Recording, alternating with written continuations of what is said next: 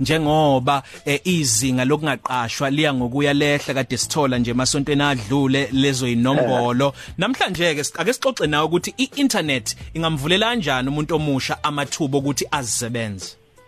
Ngaphambi kokuba lapho kungamele umlaleli sifike kahle izolo suke uke washo ukuthi bazoqhamuka nezindlela zokuthi behulumeni bathase zona izinto ezenziwa abantu abasha kuzona kuona nomkhakha wokuchwepheshe ushilo ukuthi bazohamba malokishi bahamba indawo ezisemaphandleni um, njalo njalo bebheka ukuthi yini abantu abasha abayenzayo kwezokuchwepheshe bese bakhona imali ongathi bayisaka khona abantu abasha bezokwazi ukuqasha abanye abantu abasha mm. ukuze kwakheka amathuba omsebenzi. Njengoba kushiwo ukuthi izinga liphezulu labantu abangasebenzi liphezulu ngendlela eyisimangaliso. Ngakho ke uma ngabe ubheka kwezobuchwepheshe ushilo umongameli ukuthi amathuba maningi kumele uwavule nawe umuntu omusha uvulele nabanye abantu abasha. Ngakho ke bazobe nabo izindlela zokuthi bakwazi ukufika umuntu omusha um ngeyindlela ukuthi abantu bakushike emakhaya khalefiza kuyizinga labantu abasemphakathini ukukhulu eliyisimangaliso um ungabheki nje ukuthi umlindo onengoma edumela icula nayo ithamselo enqedwe kumdlalo emsakazweni.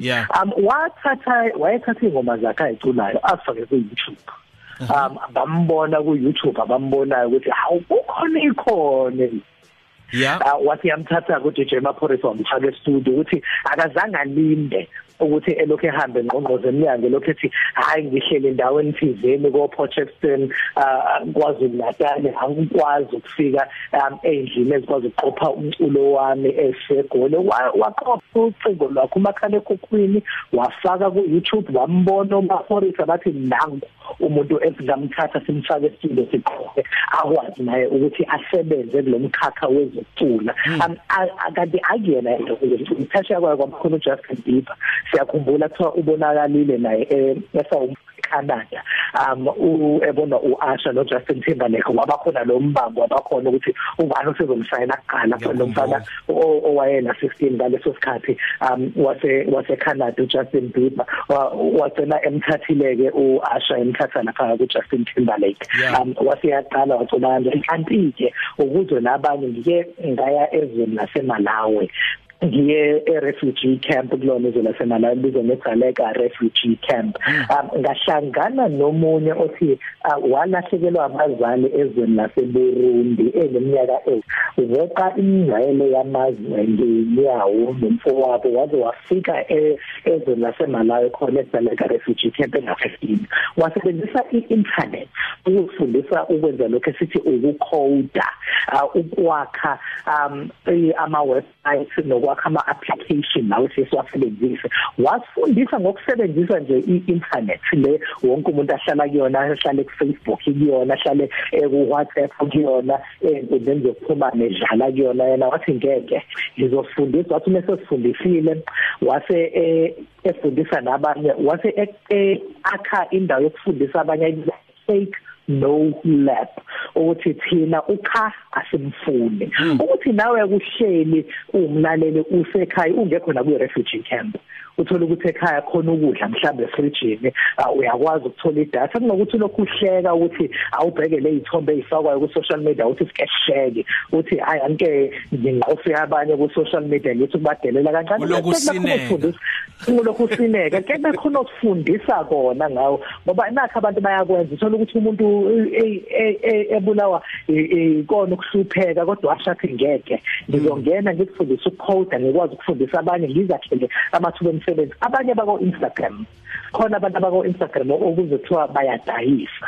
Uthola ukuthi udaye wakha impahla zokugqoka angene ku Instagram uInstagram usiyakuvula usenayo indlela ukuthi ukwazi ukudayisa impahla zakho zokugqoka ukwazi ukudayisa um ama into yakho ibhakile lapha kuhavini amakhekhe akho wabhakile kavini wakini owadayise khona ku Instagram hmm. nokuthi lokhu uhleli uthi hayi amathuba omsebenzi awakho ungene ku internet ubheke ukuthi uveze ukhangise ngamakhekhe akho lawo wabhakayo khona ku Instagram udayise khona ku Instagram abantu bangene bathenge. Bane kuningi kuningi olasiya mfethu hey nami waqala wangikhanyisela ngakhumbula enye ingxoxo sasinayo nomfundo Mkhize ethu nomngani wakhe ose Nigeria owasebenzisa imodel yaka Uber ngenxa yokuthi akusiwona umsebenzi kamasipala ukuthi abantu bathuthele udoti wasebenzisa imodel ka Uber ukuthi ofuna ukuthuthela udoti mina uyokhipha phandle ngizozomthathela uyayibona nje yonke leyo nto. Asiphuthume kodwa mfethu siye kuloko bekwenzeka ngesonto elidlule i social media week ebisethekwini.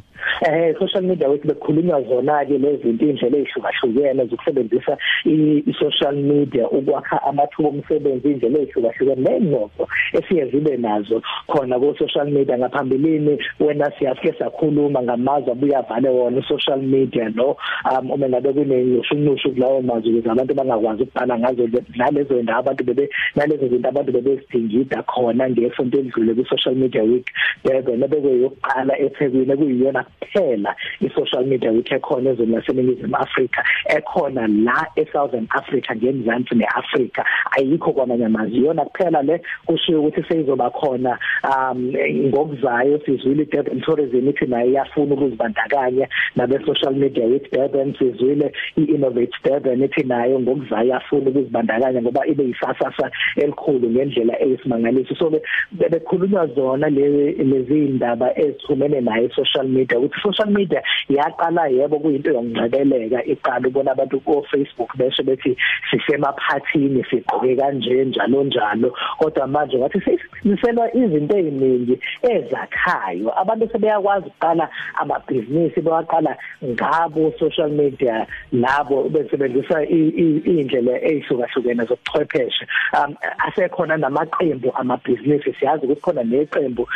lamabhizinisi lasegoli laqala khona ku social media lamabhizinisi abantu abamnyama ukuthi ukwazi ukungena uthenge izinto bafuna ukuthenga kubantu abamnyama ukuze kwakhiwe umnotho wendle emnyama ukuthi bekhulunywa zona lezo zinto ku social media ukuthi social media isiza kanjani ngaphandle nje kokuthi sihlele esihlale ekhaya sigigitheke sihleke abantu ukuthi ubani begqokeni kusona? Khawula nondaba kuhlele kumnandi ukuxoxa nawe. Singakuthola kuphi socials kanti nakumabona kude ngena nenohlelo lwakho? Ah uhlelo lami ngena ngemgqibelo nangamasonto ebusuku ku SABC News DStv 4 from bizwa nge network ebusuku ngomgqibelo half past 8 ngesonto kuba half past 5 um ngazi ikhathi zantambama bese kuthi ke inkundleni zokuxhumana la ngi active khona kakhulu ke kube u Twitter um u F Zondi ku Twitter F Zondi kuhlangene angina underscore anginalutho. Mancenze sibonga kakhulu baba. 12 kuya ku 3 no Siyano Sel Beyonce ku Khosi FM